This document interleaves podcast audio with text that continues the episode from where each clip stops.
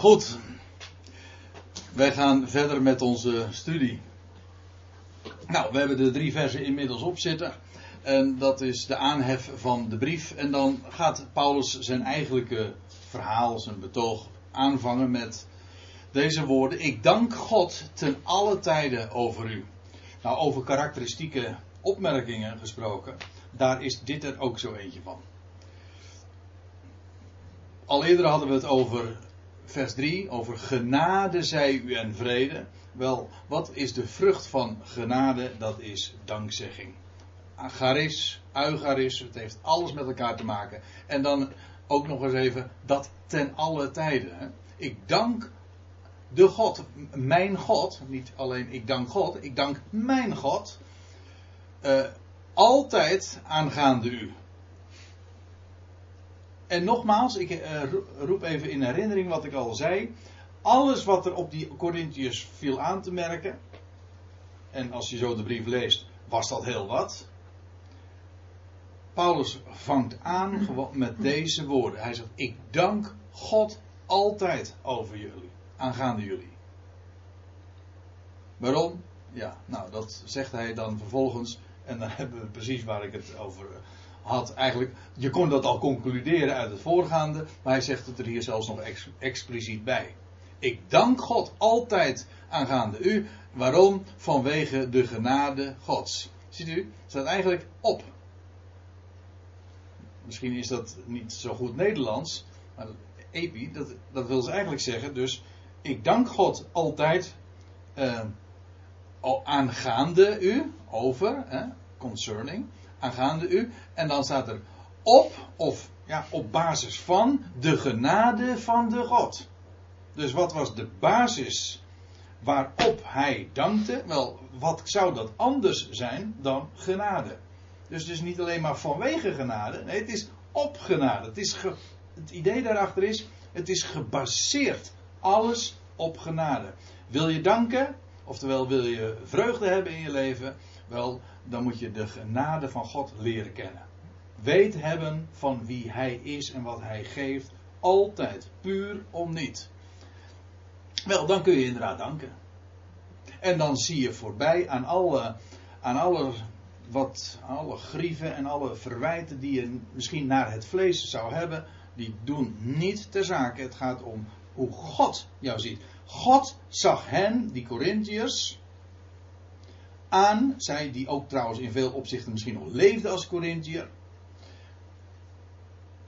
Hij, God ziet hen aan als geheiligd. Nou, God ziet ons aan naar wat wij straks al zullen zijn. Zo ziet hij ons nu al.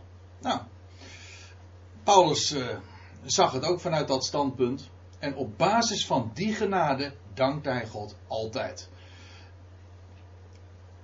de genade Gods, de genade van de God, die, is jullie, die jullie gegeven is, geschonken is, eh, in Christus Jezus. heb je het weer. In Christus Jezus hebben jullie al die genade al ontvangen. Ook hier weer voltooid. Dat is jullie deel. Het is jullie gegeven. Het is jullie deel. En omdat het jullie deel is, kun je daar altijd ook voor danken. Dat geldt ook voor onze eigen, uh, voor uh, onze eigen positie. Dat wat wij, als we Hem kennen, dan hebben we die genade en dan kunnen we God altijd in voor danken en op basis daarvan danken.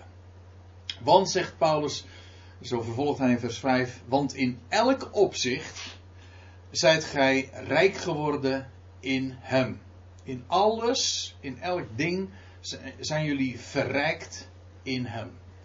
Dus alle rijkdom, let op, is jullie gegeven. Dat is dus niet verdiend. Dat is totaal niet aan de orde. Voor Paulus zelf niet, voor de Corinthiërs niet, voor niemand trouwens. Later in dezezelfde brief, sterker nog in ditzelfde hoofdstuk, ik geloof dat het vers 31 is van hoofdstuk 1 van uh, eh, 1 Korinthe, dat hij zegt: In Christus Jezus is het dat gij geworden zijt. Uh, nee, ja, hoe staat het er nou precies? Wie, wil het even voorlezen? Maar uit, maar uit hem bent u in Christus Jezus die voor ons is geworden wijsheid van God, gerechtigheid, heiligheid en verlossing. Ja, precies, dat is het. Die bedoelde ik. Uit hem is het, dat wil zeggen uit God is het, dat gij in Christus Jezus zijt. Dus het loutere feit dat wij in Christus Jezus zijn, is ook niet uit ons, dat is uit hem. En alle rijkdom die daarbij, die daarmee gegeven wordt. Later in de, in de Efezebrief zegt Paulus dat wij gezegend zijn met elke geestelijke zegen in de hemelse gewesten. In Christus Jezus, ook weer in Hem. Daar is geen uitzondering op. De MBG-vertaling heeft dat afgezwakt door van te maken met allerlei geestelijke zegeningen. Want die vonden alle een beetje te gek. Maar het staat gewoon echt elke geestelijke zegen hoor. Dat is onmiskenbaar. Niet allerlei, elke. Elke geestelijke zegen. En we zijn verrijkt, rijk geworden, omdat het ons gegeven is in Hem. En dan staat erbij in elk woord, in elk woord en alle kennis. Feitelijk is dit, ja, het zijn twee uitdrukkingen, maar het is één ding. Dat vind je heel vaak. Noemen ze, dat is een Grieks, nou het is niet alleen een Grieks stijlfiguur, maar in het algemeen in een taal een hendiadis. Als het woordje en, dat betekent niet plus, in alle woord plus alle kennis, maar betekent in alle woord, namelijk in alle kennis. Want ja, wat doe je namelijk met een woord? Daar geef je kennis mee uh, door. Dat lijkt me vrij logisch. Waarom spreek je? Wel om iets mee te delen, om iets bekend te maken, om iets te delen. Dus in elk woord en in elke kennis. Dat is wat zij uh, hadden ontvangen. Want ja, hoe weet je van die rijkdom? Wel, doordat het bekend is gemaakt. En Paulus heeft daarover gesproken. En dat leefde daar. En dan staat er vervolgens vers 6. Gelijk het getuigenis aangaande Christus onder u bevestigd is. Dus het getuigenis, wat, hij, eh, wat Paulus daar heeft getuigd, aangaande, let op, de Christus. Het getuigenis niet. Dan zie je hoe, uh, hoe waardevol een interlineair is als je daar eventjes met een schuin oog naar kijkt. Er staat het getuigenis niet aangaande Christus, maar het getuigenis van de Christus. Van de Christus. Van de beloofde Messias. Dus dit is eigenlijk te mager. Het getuigenis van de Christus, van de, de Messias, onder u is uh, bevestigd, werd bevestigd onder, ja, onder jullie.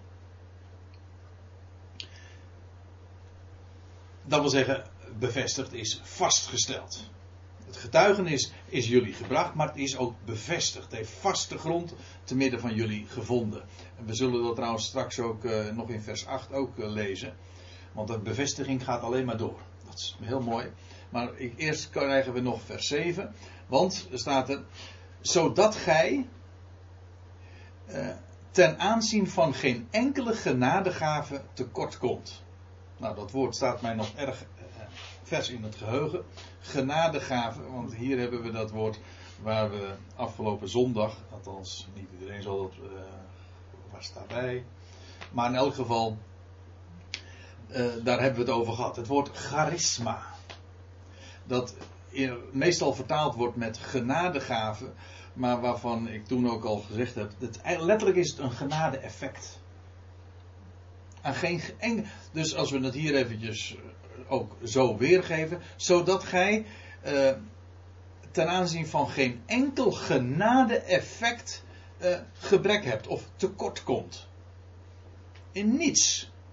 Dus die genade was gepredikt, was, had, dat was getuigd, was bevestigd en dat had zijn effect. En in al die effecten die die genade onder hen had, kwamen ze niets tekort. Dus we zijn verrijkt, we krijgen genade, we zijn geheiligd. Ziet u trouwens dat hier nog geen eng, hier helemaal niets is gezegd over de praktijk, hoe wij dingen waarmaken. Ik zal u dit vertellen, daar waar je de genade leert kennen, zal inderdaad dat zijn effect gaan hebben. Mensen geloven het niet. ik maak het zo vaak mee. Mensen denken dat als je genade predikt, dat dat een vrijbrief is om de zondigen. En dat is een gevaarlijke leer. Als je genade alleen predikt, is een gevaarlijke. Dat altijd hoor je dat weer. Maar ik hoop van harte dat ik op deze basis uh, altijd mag blijven staan en genade alleen mag blijven prediken. Want er is geen andere basis. En ik geloof ook daar, dat daar waar de genade gepredikt wordt, het, de genade, en niet alleen gepredikt wordt, maar ook geloofd wordt, de genade onmiskenbaar altijd zijn effect heeft. Geloof namelijk. Want kijk, bij werken hoort, nee, bij wet, ongeacht welke wet, of dat nou een Joodse wet is of ik in het algemeen, ik, je kan zelfs heel liberaal denken en dat je toch wet predikt. Namelijk dat je gaat vertellen over hoe een mens moet leven. Fatsoenlijk, netjes, ongeacht hoe je dat opvat. Dan krijg je wet. Dat moet jij doen. Dan moet jij. Kijk, als ik wet predik, wat kun je met wet doen? Die moet gewerkt worden. Maar als je genade predikt, dan vertel je over wie God is en wat Hij geeft, wat Hij doet, wat Hij gaat doen, wat Hij heeft gedaan. Ja, wat kun je daarmee? Dan kun, je dan kun je niet werken, want er wordt namelijk. Werken kun je alleen maar als er iets van je gevraagd wordt. Maar we praten nu over genade, alleen maar belofte. En wat kun je daarmee? Kun je maar één ding: geloven. Dat wil zeggen, amen. Zo is dat. En laat ik dit vertellen. Dat, nou, dat vertel ik niet. Dat staat elke bladzijde, met name van Paulus' brieven, maar het is een algemeen bijbelse waarheid. Daar waar de genade gebracht wordt en geloofd wordt, gaat God aan het werk. En zal het altijd zijn effect hebben. En ach, ik, ik weet gewoon dat het de waarheid is. Ik weet het zelf. En iedereen die die genade kent, weet dat het waar is. En omgekeerd is het zo, degenen die die genade niet kennen, die bestrijden het ook. Waarom? Omdat ze domweg niet weten waar ze het over hebben. Ze denken dat het gevaarlijk is. Waarom? Omdat ze toch eh, vertrouwen feitelijk meer op zichzelf, op het vlees, op eigen werk. Het zal maar makkelijk wezen. Ach, de, de verwijten eh, of de, de bezwaren tegen genade alleen, sola gratia, het was een van de pilaren ook van de, van de reformatie, van wat Luther vertelde. Maar uh, het heeft niet lang mogen beklijven, want via een achterdeur komen altijd werken weer uh, om de hoek kijken. Het is altijd zo. Ja, maar goed. Het, uh, ze hadden geen enkel tekort van, van die genade-effecten. En terwijl, en dat niet alleen, want dat was dat wat hun deel geworden was. Ze waren verrijkt, dat was hun allemaal gegeven. En onderwijl, wat de toekomst betreft, wel, dat, daar gaat het tweede deel van vers 7 over. Terwijl gij uitziet naar de openbaring van, de, onze, van onze Heer Jezus Christus. Verwachtende, ja, dat is wel mooi. Terwijl gij uitziet, want dit woord uh, verwachten, kijk ja, ik heb nu geen, geen lijstje ervan gemaakt, maar kijk het maar eens na in de concordantie. Dat is inderdaad niet alleen maar weten dat iets komt, maar er inderdaad, dat, daarom is dit woord uitzien eigenlijk wel mooi, uh, er ook inderdaad naar uitkijken, er naar verlangen. Ik bedoel, ik weet, ik verwacht dat er vannacht ijzel komt, maar ik zie er niet naar uit. Hm? Dat zijn twee verschillende dingen. Je kunt dingen verwachten, maar er naar uitkijken is wat anders. Maar Paulus, dit woord is niet alleen maar weten dat het gaat komen, maar je ze zien er naar uit. Naar de openbaring. En je hoeft niet eens de Griekse letters goed te kennen, maar je herkent hier nog het woordje apocalypsis. De, dit is de naam, of in ieder geval de soortgelijke woord, iets anders vervoegd, als, de, als het laatste Bijbelboek de apocalyps van Johannes. Wordt het altijd genoemd. Het is een onterecht uh, naam trouwens. Want het is niet de apocalyps van Johannes, de openbaring van Johannes. Zo wordt het altijd genoemd. De, die dat laatste Bijbelboek, eventjes terzijde, heeft uh, meestal twee foute aanduidingen, benamingen. Of men noemt het openbaringen, maar dat is het niet. Of men noemt het de openbaring van Johannes. En ook dat klopt niet. Het is na, eh, de, de titel van het boek, die vind je meteen al in hoofdstuk 1, vers 1. Daar staat: Het is de openbaring, de apocalyps. Of eigenlijk, ja, de apocalyps is eigenlijk. Dat calyps dat heeft te maken met bedekken. En dat apo dat is weghalen. Dus eigenlijk het weghalen van de bedekking en dus de onthulling. De onthulling van Jezus Christus. In het hele boek Openbaring gaat het over één ding. Namelijk dat Jezus Christus onthuld wordt. Met daarbij de veronderstelling dat hij dus nu nog, als je uitziet naar de onthulling van de Heer Jezus Christus, van ons, dat betekent dus dat hij nu nog bedekt is, oftewel verborgen. De openbaring staat tegenover de verborgenheid. Wij kijken uit naar zijn openbaring. Dat betekent dat hij nu nog, maar ja, dat lijkt me nogal wie dus, nu verborgen is. Ontrokken aan het oog. Dat is precies de positie van de Heer Jezus Christus vandaag. Dat is een heel Bijbelboek. Uh, waarin dat prachtig wordt toegelicht aan de hand van de tabernakel, namelijk de Hebreeënbrief. Waar Christus Jezus ach, in het hemels heiligdom is, achter het voorhangsel. Ja, ontrokken aan het oog. Zo hoort dat, dat is zijn positie vandaag. Maar wij wachten, verwachten en zien uit naar de openbaring, de apocalyps van de Heer van ons, Jezus Christus. Dat is het uitzicht. Dus aan de ene kant de genade-effecten en de overvloed aan rijkdommen die ons in genade gegeven zijn. Dat is verleden en heden. En, en wat rest ons? Nou, we kijken uit naar die stralende toekomst. Want het wordt alleen maar mooier. Namelijk als Jezus Christus openbaar gaat worden. Oftewel onthuld zal worden. Daar zien we naar uit. Nou, als mij vraagt, ben je dan een eh, zeer, zeer rijk mens. Als je dat voor nu mag weten. En wat de toekomst betreft, weet je, het gaat alleen maar stralender worden in verband met de Ecclesia, met Israël, de volkerenwereld. Die kringen die worden steeds wijder rondom de Heer Jezus, rondom de Jezus Christus. Totdat uiteindelijk de hele schepping vergeven zal zijn. Ik weet niet of ik het nou helemaal goed zeg. Uh, omringd zal zijn, vervuld zal zijn, is beter, van zijn heerlijkheid. Voilà. Dat is de hoop, dat is de verwachting. En dat is met recht hoop. En we krijgen onderwijl dan nog de bevestiging tot die tijd. Hè, want wij kijken uit naar de onthulling van onze Heer Jezus Christus. En dan staat erbij, vers 8. Hij zal u ook bevestigen. Hij, dus, hij is ook nog degene die u daarin vaststelt, die jullie vaststelt. En dan staat erbij, tot het eind aan toe. Namelijk tot aan die onthulling van onze Heer Jezus Christus. Dus al die tijd dat we, die ons daar nog van, uh, die ons daar nog scheidt, dus de tijd die nog rest, hebben we deze verzekering dat we vastgesteld worden. dus we lazen eerder, vers 6, gelijk het getuigenis aangaande Christus onder u bevestigd is. Dat getuigenis is bevestigd. En nou gaan we verder. Hij zal u ook bevestigen ten einde toe. Waar? Waar bevestigt hij in? Nou, in geloof. Daarom zegt Paulus ook iedere keer.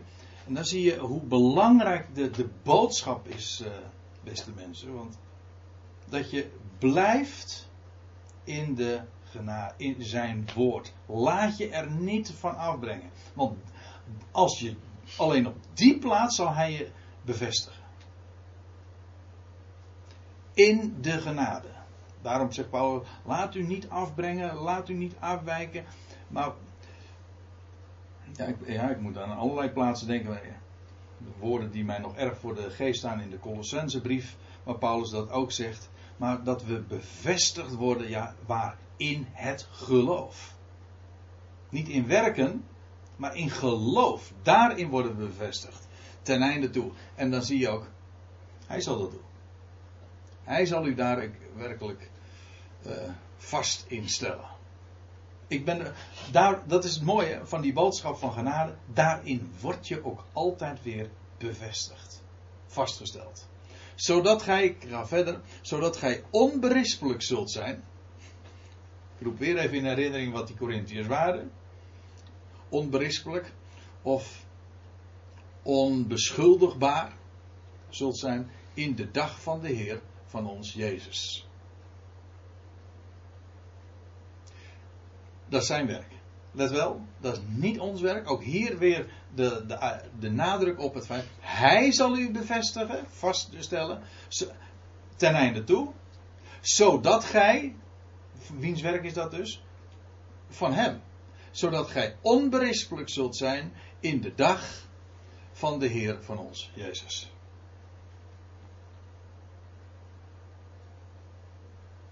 Ook hier zie je weer, het is het woord van genade dat klinkt. En daar in, in, op dat terrein van genade, daarin word je vastgesteld. En daarin is ook onberispelijkheid te vinden, niet in werken. Laat ik u dat vertellen. En wil je niet geloven? Nou, dan gaan we nog even verder. Vers 9. God is getrouw. Met andere woorden, of getrouw is de God. Hier weer de God. Wees er al even eerder op, deze avond. Degene die alles in plaats is, hij is trouw of betrouwbaar. Dat wil zeggen, dat wat hier gesproken, in het voorgaande uh, gezegd is, van hij zal u vast doen stellen, of vaststellen. Ten einde toe. Zodat je onberispelijk zult zijn. Van wie hebben we dat te verwachten? Nou, heel duidelijk. Trouw is God. En van niets anders. En dan staat erbij, door wie gij zijt geroepen. Dus hij is degene die, door, wie, ja, door wie gij zijt, dat is niet enkelvoud, dat is meervoud. Door, je, door wie jullie werden geroepen. God is degene die jullie riep. Dat schrijft Paulus aan die Corinthiërs. En zoals we weten, die allerwege de naam van de Heer aanroepen. Dus wij ook. Hier in Bodegraven. God is, trouw is God door wie jullie werden geroepen. En aangezien Hij roept, als Hij roept, dan maakt Hij het werk ook af. Hij die in dat is Filippenzen, hij die in u een goed werk begonnen is, namelijk toen hij riep, die zal het ook voleindigen. Staat trouwens ook bij, tot het einde aan toe. Ik citeer nu even vrij, maar ik meen dat het er zo staat. Tot de dag van Christus, zo staat het in ieder geval.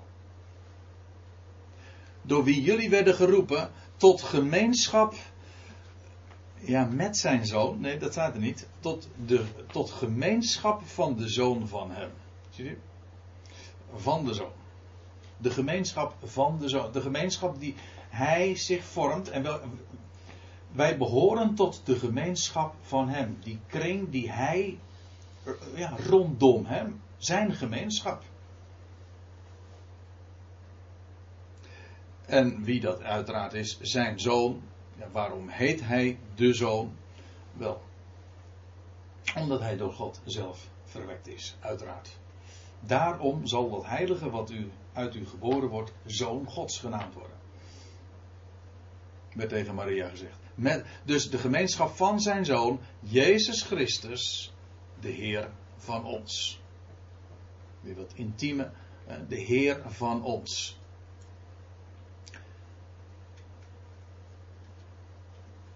En dan, vers 10. Doch, in, in mijn Bijbeltje begint er dan weer een nieuwe passage. Dat staat er in mijn Bijbeltje, de MBG-vertaling geloof ik, boven één. Uh, oh? Partijschap. Partijschap, ja, dat was het. Ja. Daar gaat inderdaad het navolgende over, de eerstkomende versen. Ik zei al, op die Korinthebrief, of op die Corinthiërs was een heleboel aan te merken, in moreel, en, er was van alles te beleven daar. En niet altijd in de positieve zin des woords. En uh, het loutere feit dat er in onze vertaling boven staat partijschap, dat gaat, daar gaat het gedeelte over. Dat geeft al aan dat, uh, dat de sfeer daar niet altijd even goed was. We zullen dat ook uh, zien, want dan lees je, doch ik vermaan u broeders, ja, ik vermaan u. Dat is eigenlijk het, dat, dat woord vermanen, parakaleo, dat, para is, is een voorstel, dat betekent naast. Kaleo is roepen. Ecclesia heeft er ook, dat ek. Ecclesia, dat is datzelfde woord, in elk geval afgeleid van dat werkwoord roepen. Maar het is naast roepen. Dus eigenlijk is het, het is, eh, vermanen is dit. Ik uh, herinner me dat uh, nog niet zo lang geleden een, een, een, artikeltje gelezen te hebben over de doopsgezinde gemeenschappen in, hier in Nederland. Maar die noemen hun kerkzaal de vermaning. Dat wist ik niet, heb ik nooit gehoord, maar dat heet de vermaning. Dus waarom komen ze bij elkaar? Om vermaand te worden. nou, blijf ik er vanaf. Het zou kunnen dat het vroeger het begrip vermanen een andere betekenis heeft, dat weet ik niet. Maar in ieder geval bij ons is het toch vooral. Hè? Vertroosten. Ja, precies. Uh, ja, het is ook niet uh, per se altijd vertroosten. Het is wel grappig. Dat vind, ik vind het echt wel grappig, want aan het, uh, het is een heel aardig voorbeeld om te laten zien dat het woord vermanen niet klopt. Want als je naar 1 Thessalonica 4 gaat, het laatste vers van dat hoofdstuk, dan lees je dat in de NBG-vertaling, Paulus heeft dan net een uitzetting gegeven over de hoop, over de komst van onze Heer Jezus Christus, de wegrukking, etc. En dan zegt hij in het laatste vers, in de NBG-vertaling, vermaan elkaar dan met deze woorden. Wat, heel, wat zo vreemd is. Ik snap niet hoe de vertalers ertoe gekomen zijn om dat woord weer te geven om het zo weer te geven. Als u een statenvertaling hebt, dan staat vertroosten elkaar met deze woorden. Dat is volkomen logisch, want Paulus wilde juist. Hij, hij, hij zegt: Ik wil u niet onkundig laten aangaande degenen die gestorven zijn. En dan wil hij zijn hart onder de riem steken. Over, over de hoop die we hebben, de verwachting van opstanding en van zijn komst. Daar vertroost je elkaar mee. Niet vermanen. Maar dat is hier ook het geval. Ik zeg niet trouwens dat het betekenis vertroost is, want dat is nog weer een ander woord. Maar het idee is niet dit. Het geeft aan, er, eh, het is aanmoedigen. Of bemoedigen. Altijd. Het heeft die betekenis. Ja? André, bij mij staat er. Maar ik bid u, broeders. Oh, ik bid u, broeders. In de Statenvertaling. Uh, ja, maar dat is ook weer niet het woord. Nee. Het is het woordje parakaleo. Dat is eigenlijk. Dat is. Uh, nou, van de tientallen keren dat het in het Nieuw Testament gebezigd wordt, kun je het altijd weergeven, dus zonder uitzondering, dat is ook een waarmerk, met aanmoedigen. Oh. Eigenlijk naastroepen. Ik vergelijk het wel eens een keerje met wat, je, wat een supporter doet. Hè. Dan sta je aan de kantlijn. En wat doe je dan? Je roept ernaast. Nou, dat is wat, dat is wat het letterlijk ook is. Oh. Ernaast roepen. Dus aanmoedigen, bemoedigen. Ik, ik moedig u aan, broeders. Of ik moedig jullie aan, broeders. Door de naam van de Heer van ons, Jezus Christus. Dat weest allen eenstemmig. Zegt allen hetzelfde. Dat is wat er letterlijk dan staat. Maar dat is wat eenstemmig ook is. Zegt allemaal hetzelfde. Ik weet wel. Dat, uh, dat lijkt een onbereikbaar ideaal om allemaal hetzelfde te zeggen. Er staat niet dat we allemaal hetzelfde zijn, maar dat we allemaal dezelfde dingen spreken, dezelfde oriëntatie. En ik denk niet dat het echt moeilijk is. Zolang we onze eigen opinies onderwerpen en ondergeschikt houden en het woord van Hem spreken, dan is daar altijd herkenning.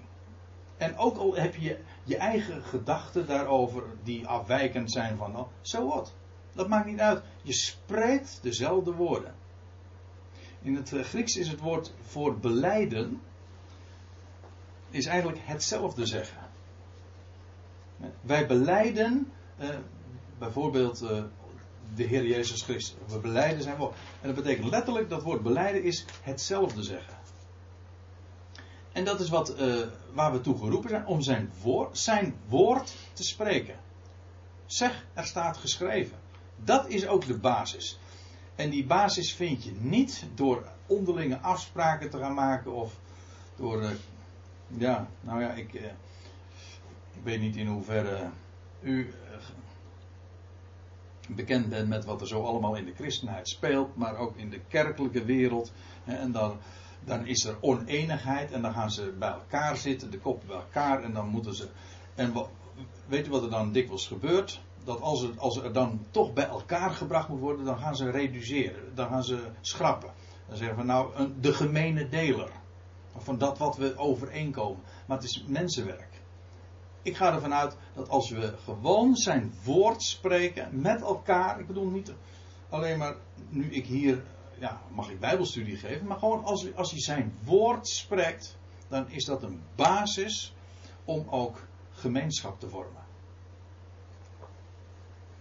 Daarom zegt Paulus, en dat is later in de, dezezelfde brief, in Korinthe 4, hij zegt: Wees niet eh, wijs boven hetgeen geschreven staat.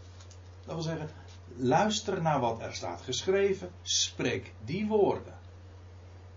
En daarin kun je elkaar onderwijzen en daarom op, met recht ook opwijzen. En dat verheugt ook. En dat is ook de basis van eenheid.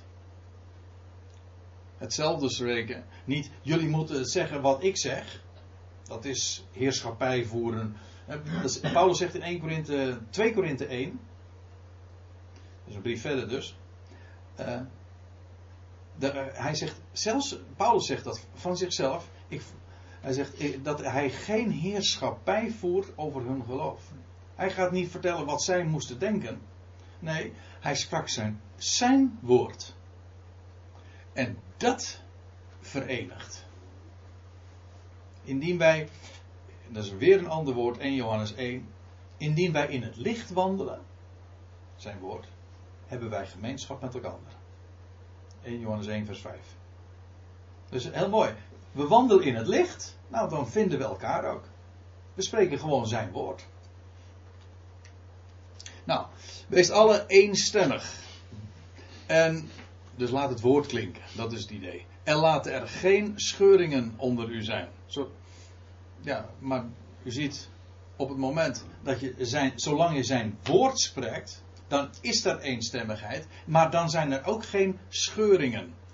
Je ziet schismata, schismen. Een schisma, dat is een scheuring.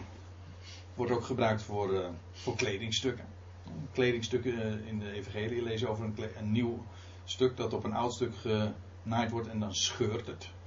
Dat doen we hier niet. Nee, dat begrijp ik. Nee, nee. Dat is alleen maar kwaliteit natuurlijk, hè? Ja. Dat is eenstemmig. Eenstemmig. Dus eh, die scheuringen waren het gevolg van eh, verschillende woorden die klonken.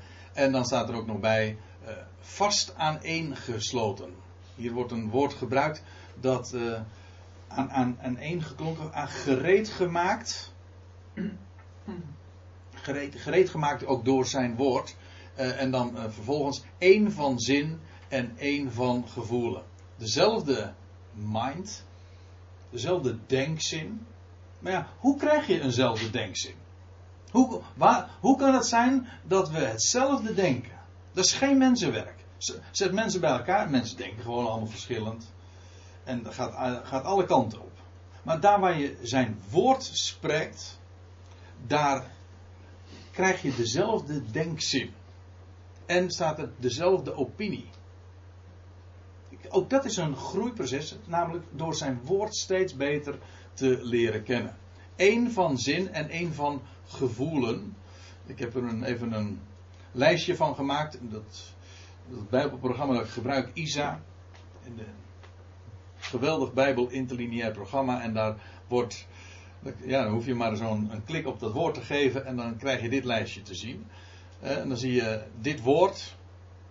Dat is uh, dit Griekse woord. En dat wordt dan, als je dat concordant weergeeft, dan krijg je dit, hè, een opinion. En dan zie je ook meteen in zo'n concordant view hoe discordant, hoe, uh, hoe verschillend men het woord heeft weergegeven. Met mening, voorkennis, besluit, zin, mening, gezind, gevoelen. Nou, dat is niet concordant hoor. Dus één Grieks woord geeft men op talloze manieren weer. Niet eenstemmig dus. Dat is wel heel erg leuk. In dit verband misschien om daar even op voor te beduren. Want eenstemmigheid, eensluidendheid ook onder elkaar, heeft te maken met eerbiedig met zijn woord om te gaan. En dat ook eensluidend weer te geven. Concordant. Concordant is eigenlijk, het woord concordant, uh, corde heeft te maken, is het hart hè. Concordant is eigenlijk met het hart. Maar hoe kun je inderdaad van harte één worden, doordat je eensluidend ook weergeeft. Niet één woord uh, weergeven, de ene keer zus en de andere keer zo. En dat zegt iets namelijk over de mening van een vertaler. Als we zeggen, nou we geven het hier zus weer, en, hier, eh, en op die plaats geven we het zo weer, en op weer, weer een andere plaats geven we het op nog weer een andere manier weer. Ja, maar dan weet je dus nooit wat er staat. Dat is niet eensluidend. Als de Bijbel één woord gebruikt, dan zouden wij ook één woord daarvoor gebruiken. Voor zover dat in het Nederlands, in onze taal, ook mogelijk is. Ik bedoel, dat is eensluidend ook denken. Dat is zo belangrijk. Want ik ben ervan overtuigd dat ik, dat zou een onderwerp apart zijn, maar om dat te laten zien, dat mensen ook uit elkaar gedreven worden, juist door die discordante, niet eensluidende vertalingen. Dan krijg je, ik zal één voorbeeld geven. Misschien een ja, vrij berucht voorbeeld. Er staat in het Grieks het woordje aion. En dan zeggen de vertalers, nou soms geven we het weer met eeuw. En bij andere plaatsen geven we het weer met eeuwigheid.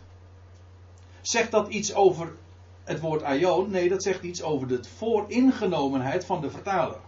Zij hebben bepaalde ideeën en dat projecteren ze in de vertaling. Maar daarmee geven ze niet het woord weer, daarmee geven ze hun eigen gedachten weer. En dan lees je, zeg je, ja, maar het staat in de Bijbel. Nee, het staat in een Bijbelvertaling. Die discordant is, niet eenstemmig. En daardoor worden mensen ook uiteengedreven. Want dan krijg je, dan krijg je verschillende opinies. Die, dat ene, die ene denkzin, dat één van gevoel of één van opinie is alleen maar mogelijk als je eerbiedig met zijn woord omgaat. Zeg van, daar staat één woord en we willen daarvan de betekenis weten. En hoe kom je daarachter? Nou, gewoon zo. Kijk, waar komt het woord voor? En, dat, en, en dan kan, is die weergave correct, die in alle gevallen ook inderdaad kan. En dan weet je wat er staat. Anders weet je alleen maar wat de mening, om even zo te zeggen, van de vertaler is. Maar dat is niet interessant. Ook niet de mening van de voorganger of van de Bijbelleer. Wat staat er geschreven? Eerbied voor het woord. Dat brengt ons ook bij elkaar. En dan ben je één van zin en één van gevoelen. Nou, dat lijkt mij een hele mooie.